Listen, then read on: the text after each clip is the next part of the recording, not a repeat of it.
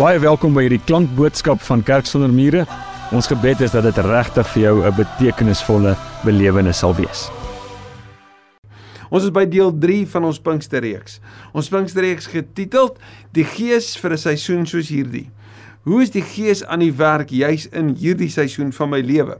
Twee weke terug het Niels dit juis uitgepak om te sê maar soos ons agter Jesus aanstap, stap ons ook deur belewennisse, oomblikke as ons agter hom aanstap van dood en van stilte en van rou en van opstanding na nuwe lewe, ja, 'n nuwe seisoen breek aan. Verlede week het Fanie ons gehelp om stil te staan by hoe beleef ons ook die Gees in 'n seisoen van lyding. As die Here naby kom en ons ons trane kom afdroog, as die Here by ons kom staan, as die Here ons kom dra, as hy ons kom ontmoet op die laagste en donkerste plekke van ons lewe. Hoe ervaar ons hom daarin en hoe is hy aan die werk ook in daai oomblikke? Vandag kom ons by deel 3 by hierdie hele belangrike fokus van die Gees vir 'n seisoen soos hierdie. Wanneer ons vir onsself vra maar hoe werk die Gees deur die kerk in 'n tyd soos hierdie? Vir jou en vir my, hoe is die Gees aan die werk? Kom ons bid dat die Gees ons ook sal inspireer in hierdie saamwandel vandag om ook te gaan wees dit wat hy deur ons wil wees in hierdie wêreld. Dankie Here Jesus dat ons die voorreg mag hê om U vandag as Here en as verlosser te kan aanbid. Dat ons vandag kan verklaar dat U die Here is. U het uit die dood uit opgestaan. U heers. Voor U sal elke knie buig en elke tong bely dat U die Here is. U is die enigste hoop vir hierdie wêreld. Dankie Heilige Gees dat ons kan weet dat vanaf die uitstorting van die Heilige Gees op Pinksterdag van U is is is dit ook die wyse waarop Jesus teenwoordig is in en deur ons lewe dat die wonderlike band tussen Vader, Seun en Heilige Gees so besonder en so groot is dat ons kan weet dat U ook so by ons is vandag en dat U teenwoordigheid in ons lewe ons ook bind met Jesus en ons bind Vader aan U. Dankie dat al verstaan ons nie altyd die die grootheid hiervan nie. En die misterie daarvan nie. Is die wonder dat U by ons is, dat ons in gemeenskap kan wees met die God van gemeenskap. Dat ons kan weet dat ons vandag saam met U net kan sit en kan kom bid Here hierdie woord van U wat so ryk en so diep en so so prakties ook is dat U asseblief dit vir ons sal oopbreek vandag. Vir ons eie lewe, vir ons wêreld, maar ook vir ons van hier af vorentoe. Dat dit ons sal kom herinner aan die groot groot stories, die groot narratief, die groot verhale, die groot lyne van die woord maar ook hoe ons vandag in ons eie lewe hierby inpas en deel vorm daarvan. Kom en doen wat net U kan. Ek bid dit in die naam van Jesus ons Here. Amen. In die Ou Testament is daar 'n gebeurtenis. En die gebeurtenis is die uittog, die Exodus, die Exodus. Na die uittog en hierdie uittog is gevier deur deur die Pas, die Pasga wat hulle in die Engels noem die Passover waarin die doodsengel gepaas oor het, is daar die belewenis van die Here wat hulle deur die Rietsee lei en 50 dae na die uittog kom hulle by Sinai aan en word die die viering van die gee van die 10 gebooie gevier. Hulle noem dit Shavuot. Shavuot is die viering van die eerste vrugte. Natuurlik die viering van die eerste vrugte van die oes wat daarop dui dat as die eerste vrugte kom, gaan ons dit vier want dit dui daarop dat die res van die oes ook sal kom. En dit alles kom uit die hand van die Here. Maar Shavuot word ook gebind met die gee van die 10 gebooie, 50 dae, die Engels Pentekost na die uittog. Romeine 7 kom sê dat wanneer hierdie wet gegee is, dan dan is God se wil gegee en dat hierdie wet heilig is. En hierdie wet is geproklaameer, vertel deur die profete van daai tyd, moes geleef geword het deur die gelowiges, ook beskryf as die gemeente in die Ou Testament van daai tyd. Maar Romeine 7 kom sê maar dit het nie lewensverandering tot teweeg gebring nie. Inteendeel, Paulus sal kom sê die wet maak in my hierdie bewustheid van sonde los en en ek kom nie hiervan vry nie. Wie gaan my hiervan red? God dank, hy doen dit. In die Nuwe Testament is daar 'n gebeurtenis. Jesus die Here op Paasnaweek, die naweek van die waar die Pasga gevier word deur die Jode, word die Nuwe Testament ingestel met die Paasmaaltyd. Wanneer Jesus die lam van God sy lewe gee. Wanneer hy sterf, deur die dood gaan en nuwe lewe bring. En 40 dae nadat hy opgestaan het, vaar hy hemel toe. Ons het dit laasweek gevier. Die hemelvaart. Wat kom sê die die krib is leeg, die kruis is leeg. Jesus, die Here, het die graf ook leeg agtergelaat. Die prys is betaal. En fase 2 van die van die reddingsplan van God na die wêreld, naamlik die beweging van die Gees deur die kerk, het aangebreek. En na die hemelvaart presies 10 dae daarna vandag wat ons vandag vier op Pentekost, 50 dae na die opstanding, word die Gees gegee. Die Gees as geskenk. Romeine 8 wat kom sê maar hierdie Gees wat vir ons na familie toe bring. Hierdie Gees wat wat ons help om op Vader te roep en en en, en om deel te wees van die Vader. Hierdie Gees wat vir ons intree soos ons verlede week ook gehoor het, wanneer ons nie weet hoe om te bid nie en daai oomblikke van lyding, is die Gees by ons. Die Gees wat ons inspireer, is aan die werk deur die kerk. En so tussen Romeine 7 en Romeine 8 sien ek en jy eintlik daai twee groot gebeurtenisse op Pentekost op die dag 50, die gee van die wet en die gee van die gees. sien die gees is aan die werk. En die gees by Pinksterdag se uitstorting het so gekom toe die die gelowiges die volgende sou hoor in Handelinge 1 vers 8. Julle sal krag ontvang wanneer die Heilige Gees oor julle kom en julle sal my getuies wees in Jerusalem sowel as in Samar in Judea en in Samaria en tot in die uithoeke van die wêreld. Judea Samaria tot in die uithoeke van die wêreld sowel as so terwyl julle getuies is in Jerusalem moet julle in die hele Judea ook wees maar ook in Jerusalem die hele Judea maar ook in Samaria en die uithoeke en ek vra myself die vraag hoe het hulle verwag sou dit gebeur het hulle gedink gaan hierdie gees kom en gaan hulle hierdie getuies wees? Gaan dit 'n konsentriese uit uitgroei wees of sal daar iets anders wees? En vandag se fokus-teks is Handelinge 8. Ons gaan sien hoe presies het dit gebeur dat die gelowiges dan nou aangekom het by Samaria op pad na die uithoeke toe. So lees gerus saam met my Handelinge 8 en ons lees eers die eerste 8 verse en daarna vanaf vers 26. Ook Saulus het hierdie moord goedgekeur dis Stefanus se steniging. Daardie dag het daar die ewige vervolging van die gemeente in Jerusalem begin. Al die gelowiges behalwe die apostels is uitmekaar gejaag en verstrooi oor die gebiede van Judea en Samaria. Godvreesende mense het vir Stefanus begrawe en daar is baie oor hom gerou. Saulus het die kerk probeer uitroei. Hy het van huis tot huis gegaan, mans en vrouens laat uitsleep en hulle in die tronk laat sit. Die gelowiges was uitmekaar gejaag, sê vers wat uitmekaar gejaag gesê vers 4 is het so ver as wat hulle gegaan het die evangelie verkondig. Skielik gebeur Handelinge 1 vers 8, maar op so 'n ander manier as wat verwag sou word. sien vanuit hulle lyding het die gelowiges in beweging gekom. Vanuit hulle vervolging het die gelowiges aan die gang gekom en so ver as wat hulle gegaan het, het hulle die beste nuus ooit vertel. sien hulle het ten ten spyte van hulle lyding en vervolging steeds oortuig dat dit die beste nuus ooit vir die wêreld is, die wonderlikste gebeurtenis ooit dit aanhoudend vertel en soos wat hulle dit vertel het, het hulle dit ook verander moontlik gemaak om gered te word, maar om ook te deel in die lyding, nê? Nee?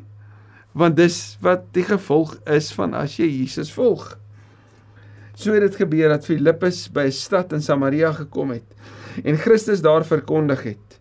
Toe die mense hoor wat Filippus verkondig en die wonder sien wat hy doen, het hulle aandagtig na sy prediking geluister. Bose geeste het met groot geskreeu uit baie mense uitgegaan en baie wat verlam en krepeel was is gesond gemaak. Daar was groot blydskap in daardie stad. Vervolging breek uit.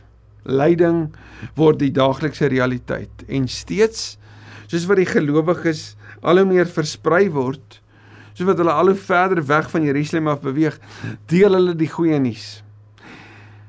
Filippus, een van die sewe diakens wat ons in Handelinge 6 sien wat uitverkies was om die weduwees te versorg, om die nood aan te spreek, is in Samaria, 'n plek waar die Jood nie sou kom nie. 'n Plek waar die Jood nie sy voete sou sit nie. Hy's in Samaria met die goeie nuus op sy mond met die goeie nuus in sy lewe en in sy hande en elke dag doen hy wat elke dag van hom gevra word. Hy reik uit, hy gee om, hy vertel. Hy verkondig, hy getuig, hy raak aan, hy bid met die gawes wat die Gees deur hom werk, word mense genees, mense word herstel, bose geeste word uit mense uitgeneem. En die evangelie bereik mense en ons sien mense kom tot bekering. In hierdie einste gebied is daar 'n man met die naam van Simon. Ekskuus tog. En Simon was 'n bekende towenaar in daai gebied gewees. Ek bedoel hulle het selfs die werke wat hy gedoen het aan God gekoppel dat dit dat dit deur God bemagtig was. Simon hoor ook die evangelie. Hy ook hoor ook die wonderlike nuus van Christus. En ook Simon kom tot bekering omdat die werk wat die Gees doen, dit is wat mense hande nie kan doen nie. En hy kom tot inkeer. Maar elke dag net in sy daaglikse gehoorsaamheid beleef Filippus hoe hoe die Here deur hom die wêreld raak. Net omdat hy beskikbaar is, net omdat hy toeganklik is, net omdat hy sê Here maar werk deur my, net omdat hy opdaag vir ander mense, net omdat hy die lewe nie oor hom maak nie, maar oor ander, omdat hy na buite gerig leef. Gebruik hy sy dagtaak elke dag om dit te gebruik as 'n geleentheid om sy getuienis ook te leef en te vertel en te deel. En dan is daar 'n unieke dag. 'n dag wat Filippus nie elke dag gehad het nie.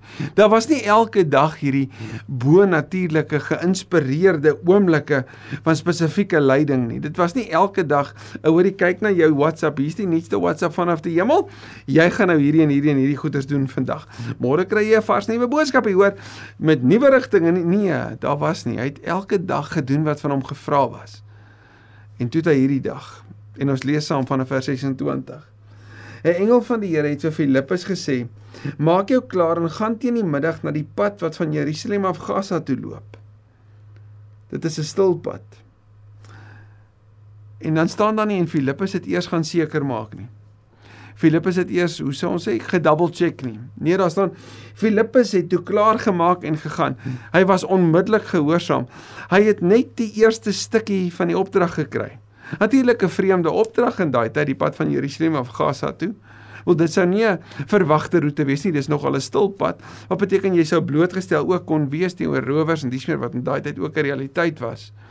Maar Filippus het geleer om te luister na die wat Len Sweets noem die nudging, die stoot, die sagte beweging van die Heilige Gees. Die Heilige Gees wat vir hom sê, "Gaan daarheen." Hy het geleer dat jy nie nommer fase 2, 3, 4 stap 2, 3, 4 op die pad af as plan kry, die uitgewerkte plan nie. Nee, dit gaan vra dat jy gehoorsaam sal wees op die eerste tree. En nadat jy die eerste tree gehoorsaam sal wees, wel dan gaan jy die volgende tree gee. Klink amper soos Psalm 119 vers 105 wat sê u woord is die lamp vir my pad, die lamp wat net genoeg lig gee vir die volgende tree. Filippus kry hierdie boodskap. Hy het klaar gemaak en gegaan. En dan word daar beskryf van wat daar gebeur op die gebied waartoe hy op pad is. Die straat, die pad waarheen hy op pad is. 'n Ontmande Ethiopiër. Twee woorde langs mekaar wat kom vertel dat hierdie man het 'n sosiale krisis. Hy's 'n man uit Afrika uit, so hy's nie uit die agtergrond van die Jode nie. Hy's ontman wat beteken eintlik in sy wêreld en in die wêreld van die Bybel het hy geen status gehad nie. En tog was dit 'n vermoorde man. Kyk mooi wat 'n hoë pos bekleed aan die hof van die Kandake soos die koningin van Ethiopië genoem is en wat haar geldsaake beheer het. So hy was vermoond, hy was verantwoordelik, hy was raak gesien juis vanweë sy vermoë al was hy 'n ontmande man gewees.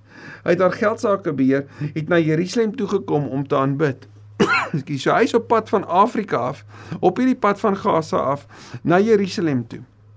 En hierdie man uit Afrika omdat hy gekom het om te aanbid, beteken hy's op pad tempel toe, beteken hy's 'n proseliet, hy het eers die Joodse geloof aangeneem. Hy het eers geglo dat hierdie storie ook 'n storie is waarna hy wil deel. Hy's 'n soekende man, hy's 'n intelligente man. Hy het na Jerusalem toe gekom. Hy was nou op pad terug en hy het op sy wa gesit en lees uit die profeet Jesaja. So hy het klaar die offers gebring. Hy's klaar by die tempel gewees. Hy het klaar sy pelgrimstog het hy voltooi. Nou sy op pad terug. En wat gebeur nou met sy lewe? Toe sê die Gees vir Filippus, so Filippus kom nou naby op hierdie pad na Gaza toe. Gaan loop saam met daardie wa. Filippus het daarin gehardloop. Dit is vir my so mooi. Die volgende tree wat die, die Gees vir hom gee is, daai is die man. En Filippus is so opgewonde want hy's so beskikbaar en hy's so paraat en hy wil so net daar wees dat hy hardloop daarin want iets is iets gaan gebeur. Hy het daarin gehardloop en gehoor dat die man uit die profeet Jesaja lees. Hy vra toe vir hom: "Verstaan jy wat jy lees?" So op hierdie oomblik loop is die profeet besig om ag die man besig om te lees en Filippus is besig om langs hom te loop. Hy hoor wat die man lees. En nou kom sê Filippus vir hom hierdie profeet wat jy lees, verstaan jy dit? Die Ethiopier antwoord: "Hoe sou ek kon as niemand dit vir my uitlê nie?" Hy het Filippus gevra om op te klim en by hom te kom sit. Daar's wysheid hierin dat Filippus was naby. Filippus was teenwoordig. Filippus was beskikbaar. Maar Filippus het gewag vir die man om hom in te nooi. Hy het nie ingestorm nie, hy het nie die geleentheid misbruik nie, hy het nie vir hom dadelik begin preek nie. Hy het net vir hom gevra. Hy het net belang gestel. Hy was net daar. Die Ethiopier nooi hom om by hom te kom sit. Die geskrifgedeelte wat hy gelees het was dit en hier kom dit uit Jesaja uit. Soos 'n skaap is hy gelei om geslag te word en soos 'n lam wat stil is, het hy wat as hy geskeer is, het hy nie sy mond oopgemaak nie. In sy vernedering is daar nie reg aan hom geskied nie. Wie sal van sy nageslag kan vertel sy lewe op aarde word beëindig? Die amptenaar vra toe vir Filippus: "Sê vir my asseblief, van wie praat die profeet hier? Van homself of van iemand anders?" 1 Petrus 3 sê ons moet altyd gereed wees om antwoord te gee van iemand wat die verduideliking by ons eis oor die hoop wat in ons leef hoor hoe is Filippus se lewe 'n voorbeeld van wat Petrus van skryf. Dan staan daar Filippus vers 35 het by hierdie skrifgedeelte begin. Hy het by die plek van soeke in hierdie Ethiopiese lewe begin. Hierdie vermoënde Ethiopier wat 'n baie kosbare teks in sy hand tot sy beskikking gehad het, in sy besit gehad het. Daai die die tekste was bitter skaars geweest, nê? So hierdie vermoënde man het hierdie vraag en Filippus het by hierdie skrifgedeelte begin in die evangelie, die goeie nuus oor Jesus aan hom verkondig. Hoe Jesus die vervulling is van dit wat hy daar gelees het. Onderweg kom hulle toe by water aan en die amptenaar vra vir hom: "Hier is water, wat verhinder dat ek gedoop word?" Nou hierdie proseliet, hierdie man wat tot geloof gekom het in die Joodse geloof, weet alles van doop, want daar was 'n proseliete doop geweest. Het hy geweet van die Christendoop? Het hy 'n groot verduideliking gehad? Was daar eers vir hom 'n klas gewees? Nee, hy het net geweet, hoor Jesus het betaal, jou sondes is afgewas, jy kan deel word van God se familie. nou sê hy, wat verander dat ek gedoop word? En weer eens gebruik Filippus die oomblik. Daag hy op as dienskneg. Is hy daar vir hierdie man op daai plek? Toe hy die stil hou Filippus en die hoof die hofdienaar het albei in die water ingegaan en Filippus het hom gedoop. Toe hulle uit die water gekom het, die gees van die Here vir Filippus weggeneem. Die amptenaar het hom nie meer gesien nie en hy sy reis terug na Afrika toe as die eerste sendeling na Afrika toe as 'n man wie se lewe verander het omdat iemand anders bereid was om op daai oomblik daar te wees vir hom het hy voortgesit met blydskap. En Filippus is later in Asdod aangetref en hy het daarvandaan deur die dorpe gegaan totdat hy by Caesarea gekom het en oral het hy die evangelie verkondig hierdie baie spesifieke dag. Toe iemand wat elke dag net gehoorsaam was, elke dag net sy werk gedoen het, elke dag net gedien het. Ek wil toe ons by Timoteus stil gestaan het so 'n paar weke terug, het ons gesien dat by Timoteus is daar hierdie belangrike fokus van excellence, dat jy jou werk met toewyding en excellence moet doen, nê? Nee? Filippus was net elke dag besig om sy beste te gee. En toe het hy hierdie een dag, hy het geleer om gehoorsaam te wees. Hy het geleer om op te daag. Hierdie man wat vanuit lyding en vervolging in beweging gekom het, het 'n lewe van beweging geleef. En beweging het beteken dit gaan nie oor my nie, dit gaan oor ander en wat as iemand anders nie gehoor het nie. So ek moet by hom uitkom. En hy aand toe Filippus en Asdod aan die slaap sou raak. Wat 'n storie het hy gehad om te vertel? Jy weet vanoggend was ek in Samaria gewees en toe ek op hierdie pad en toe ek met met hierdie man, toe ons in die water en bom, hier's ek nou. Wat 'n storie het hy gehad om te vertel oor wat die Here die bonatuurlike krag van die Here God wat deur sy lewe, sy eenvoudige beskikbare lewe gekom doen het. Hoe die die krag van lewe deur sy lewe gewaai het in iemand anders se lewe in en daai persoon se lewe vir altyd verander het net omdat hy teenwoordig was. Wat 'n stories het hy nie gehad om te vertel nie. Maar elke dag het hy gedoen wat vir hom gevra word. Wat sê dit vir jou en my as ons hierdie sou kom toepas? Daar het iets gebeur. Jesus het opgestaan. Die Gees is uitgestort. Die opdrag is aan die kerk gegee. Gaan na die nasies toe, gaan na die uithoeke toe, bereik hulle. Maar wees ook getuies in Jerusalem. Wees getuies in jou dagtaak. Doen jou werk ten beste wat jy kan sodat mense ook in jou lewe kan sien dat die krag van God wat in en deur jou werk anders is as in hulle lewe. Wees beskikbaar dat wanneer iemand vir jou vra oor die hoop wat in jou leef, dat jy dit kan verduidelik, dat jy dit kan vertel. Wees sensitief sodat jy by hulle storie kan aansluit. Dat jy so mooi luister na hulle storie. Dat jy so teenwoordig is en gefokus op die ander persoon. Dat jy nie daar is om as verkoopsagent iets te kom verkoop of iets te kom aflewer nie. Iemand te kom dwing of om te kom manipuleer nie. Maar dat jy net opdag. Net opdag met 'n oop hart. Omdat die belofte van Jesus waar is, die Heilige Gees sal vir julle die woorde gee. Hy het dit vir Filippus gegee en hy gee dit ook elke dag vir jou en my. So in ons dagtake om elke dag op te dag om ook vanuit ons eie stories van lyding en seer, van vervolging dalk, in beweging te kom en daar te wees vir ander mense. Te luister, tyd te maak vir hulle, jou oor te gee. Elke dag te doen wat die Here vir jou gee, vir jou sit.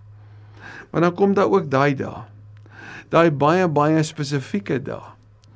Wanneer wanneer ek en jy dalk in 'n situasie soos 'n goudtrein sit met iemand voor jou. Iemand met vrae Iemand wat wonder oor die woord. Iemand wat wonder oor die lewe. En ons in ons belangstelling kan hoor en ons deur die beweging van die Gees kan weet. Vandag moes ek nie in die verkeer sit in my kar dalk nie. Vandag het die Here my na die goudtrein toe gestuur om op hierdie trein te sit vir hierdie persoon sodat ek die evangelie van Jesus kan deel. Sodat ek saam met iemand 'n pad kan stap. Reg deur die die wêreld van vraestel en wonder na die antwoord van die evangelie, na die hoop in Christus, na die nuwe lewe toe. Want daar sulke oomblikke. Want dis hoe die Gees vandag in 'n seisoen soos hierdie steeds in ons lewe werk. Hoe hy vanuit ons eie stories van lyding ons help om daar te wees vir ander. Francis Jan vir vertel 'n storie en en jy sal die klip op op hierdie einste um, platform ook kan gaan kry genaamd The Big Red Tractor en ek gaan dit parafraseer en dit kom in wese hierop neer. Hy sê daar was 'n gemeenskap gewees wat 'n 'n trekker by hulle gehad, 'n groot rooi trekker. En elke seisoen het die gemeenskap bymekaar gekom en hulle het verskriklik hard gewerk om hierdie trekker te stoot sodat daar geploeg kon word. En elke seisoen na die verskriklike harde werk kon hulle die oes kry. En eendag toe ontdek die boer ergens daar in 'n in 'n kas ontdek hy 'n boek 'n 'n handleiding met die beskrywing van hoe hierdie trekker werk en en en hoe jy hom kan gebruik om om om te ploeg. En die volgende dag sê hy vir die samelewing of vir die gemeenskap: "Hoorie maar, ek het hierdie ding en ons moet hierdie doen." En hulle sê: "Nee, maar ons het 'n manier, ons het nog altyd doen." En ons gee ons bes en ons werk hard. En die aand Toe kon hy nie slaap nie en hy gaan spring toe op die trekker en toe ploeg hy al die lande. En die volgende oggend toe die gemeenskap wakker word en hulle sien kyk hoe lyk die lande is geploeg. Wonder wat het gebeur? Was daar iemand elders van 'n ander plek wat hierdie kom doen het? En daar toe sien hulle die man op die trekker lê met die boek op sy bors vas aan die slaap. Hierdie gemeenskap het ontdek dat die krag toe nou in die trekker gelê het en nie in hulle vermoë om hom te stoot nie. Die trekker het die werk self gedoen. Daar was 'n 'n handleiding gewees wat vir jou beskryf het hoe hy sou werk. Jy moet net toegee daartoe. Jy moet net luister daarna. En so lei die storie. Hierdie gemeenskap het die mees vrygewigste gemeenskap geword in daardie omgewing. En die storie as ons hom sou bind met vandag is om te sê ons het die handleiding. Ons het die Heilige Gees wat die wet nie in staat was om te doen nie, die wet wat gegee was op dag 50 wat gevier word op dag 50 wat vertel is daarna deur die deur die gemeenskap deur die profete het nie lewensverandering gebring nie. Op dag 50 is die gees uitgestort. Op dag 50 word die kerk bemagtig om die wêreld in te gaan en dit nie uit hulle eie uit te gaan probeer nie maar deur die krag van die gees die wêreld in te beweeg en in die kragveld van die Gees te beweeg. En op te dag daar te wees, te vertel, te deel en te sien hoe hulle die vrygewigste gemeenskap in die wêreld kan wees omdat hulle die beste nuus ooit het. Dis Pinksterfees. Die Gees is aan die werk deur die kerk. Is ek en jy oop daarvoor? En sien ons dit raak. Amen. Vader, as ons na ons eie lewe kyk, dan is daar dikwels mense wat opgedag het vir ons wat gehoorsaam was op op u roepstem in hulle lewe. Hulle was daar vir ons omdat hulle gehoor het. En hulle daar wees het vir ons wonderlike momente en oomblikke van geloofsversterking gebring. Daar is in ons lewe oomblikke waar ons dit kon wees vir iemand anders. Daar is ook oomblikke waarin ons die stories moet erken en deel dat ons nie opgedaag het nie. Nie getrou was nie. Dalk te bang was, dalk nie bewus was nie. Daar's daai Here wanneer dit vir ons voel of ons so met die algemene elke dag net besig is. Dis so dieselfde, dieselfde, dieselfde. En dan dan is ons nie eens bewus oor die sin van dit waarmee ons besig is nie, naamlik dat ons kan opdag vir mense ook in die eenvoudige van elke dag. Ons soek so die die die wonderlike dae van die van die pad van Jerusalem na Gaza toe. Daai dae wat Filippus on beleef het, daai een dag uit hoeveel. Help ons so om in, in dit wat van hier af voor lê in ons eie lewe elke dag aan te gryp en net op te dag. Net daar te wees, net my werk ten beste te doen ter uitbreiding van die koninkryk, ter liefde van verander, deur te doen wat ek moet doen met alle volharding en omdat ek gehoorsaam wil wees aan U. Maar help ons ook, o Heilige Gees, om sensitief te wees vir daai oomblikke wat U ook die ander kant vra. Wat U ook vra dat ons ons planne sal verander, in beweging sal wees, dat ons 'n honger sal hê vir mense wat U nie ken nie. 'n Bewustheid sal hê dat U, o Heilige Gees, steeds besig is om te beweeg na die uithoeke toe en dat U dit doen deur die kerk. Dankie Here Jesus dat U deur die Gees teenwoordig is in ons lewe. Dat U deur die Gees aan die werk is in en deur ons lewe dat ons dit nie uit ons eie krag uit hoef te probeer doen nie want ons sal dit nooit regkry nie. Dat ons net kan oorgee en kan kom vra Here kom doen deur ons wat net U kan. Soos Paulus sê in Filippense 1:6. Ek is veral daarvan oortuig dat hy wat die goeie in julle begin het, dit eintlik sal volvoer tot op die dag van Christus Jesus. En Here is daar vandag iemand is wat hierna luister. Hy sê maar maar ek het nog nie oorgegee nie. Ek probeer nog uit my eie uit, uit my eie krag uit, uit my eie vermoë en ek kry dit nie reg nie. My lewe verander nie. Ek is nog steeds dieselfde as wat ek 'n week terug of 'n maand terug of 'n jaar terug of 10 jaar terug was. Ek sukkel en ek probeer, probeer, probeer en ek kry niks reg nie. Ek bid so soos wat Paulus ook skryf daar in in Romeine 10 dat die plek van oorgawe sal kom. Oorgie aan U en dat U sal kom doen wat net U kan want ons ons eie prestasies en eie vermoëns, eie probeerslas sal neerlê. Sal kom erken, Here, dat ons saam met daai persoon vandag sal kan kom erken, Here, my eie prestasies sal nooit goed genoeg wees nie. Sal nooit my eie lewe verander nie. Maar net U kan. So ek gee oor. Ek gee oor. Ek gee oor aan die beheer van U in my lewe. Ek gee oor aan die leiding van die Gees deur my lewe. Ek gee oor deur ook te sê Here meer van U en minder van my want U is die Here. En in 'n seisoen soos hierdie is U aan die werk. Dankie daarvoor in Jesus se naam. Amen. Openbaring eindig met 'n baie mooi uitnodiging. 'n Uitnodiging wat vir jou en my net weer kom bevestig dat die Gees werk deur die kerk, die kerk wat beskryf word as die bruid. En hierdie bruid se werk is om net te uiter wat van die Gees afkom, naamlik 'n uitnodiging. Dit sê die Gees van die bruid sê kom en elkeen wat dit hoor moet sê kom. Elkeen wat die water van die lewe wil hê, moet dit kom kry. Verniet. En hy wat dit alles getuig sê ja, ek kom gou. Amen. Kom Here Jesus. En daarom mag die genade van ons Here Jesus, die liefde van God ons Vader en die gemeenskap en kragvolle teenwoordigheid van die Heilige Gees by jou, met jou en deur jou lewe wees. Amen. Amen. Indien hierdie boodskap vir jou iets beteken het, dan wil ek vir jou vra, deel dit asseblief met iemand wat jy ken.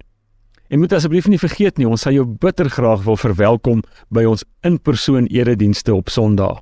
Vir meer inligting oor Kerk sonder mure, is jy baie welkom om ons webtuiste te gaan besoek of ons op sosiale media te volg.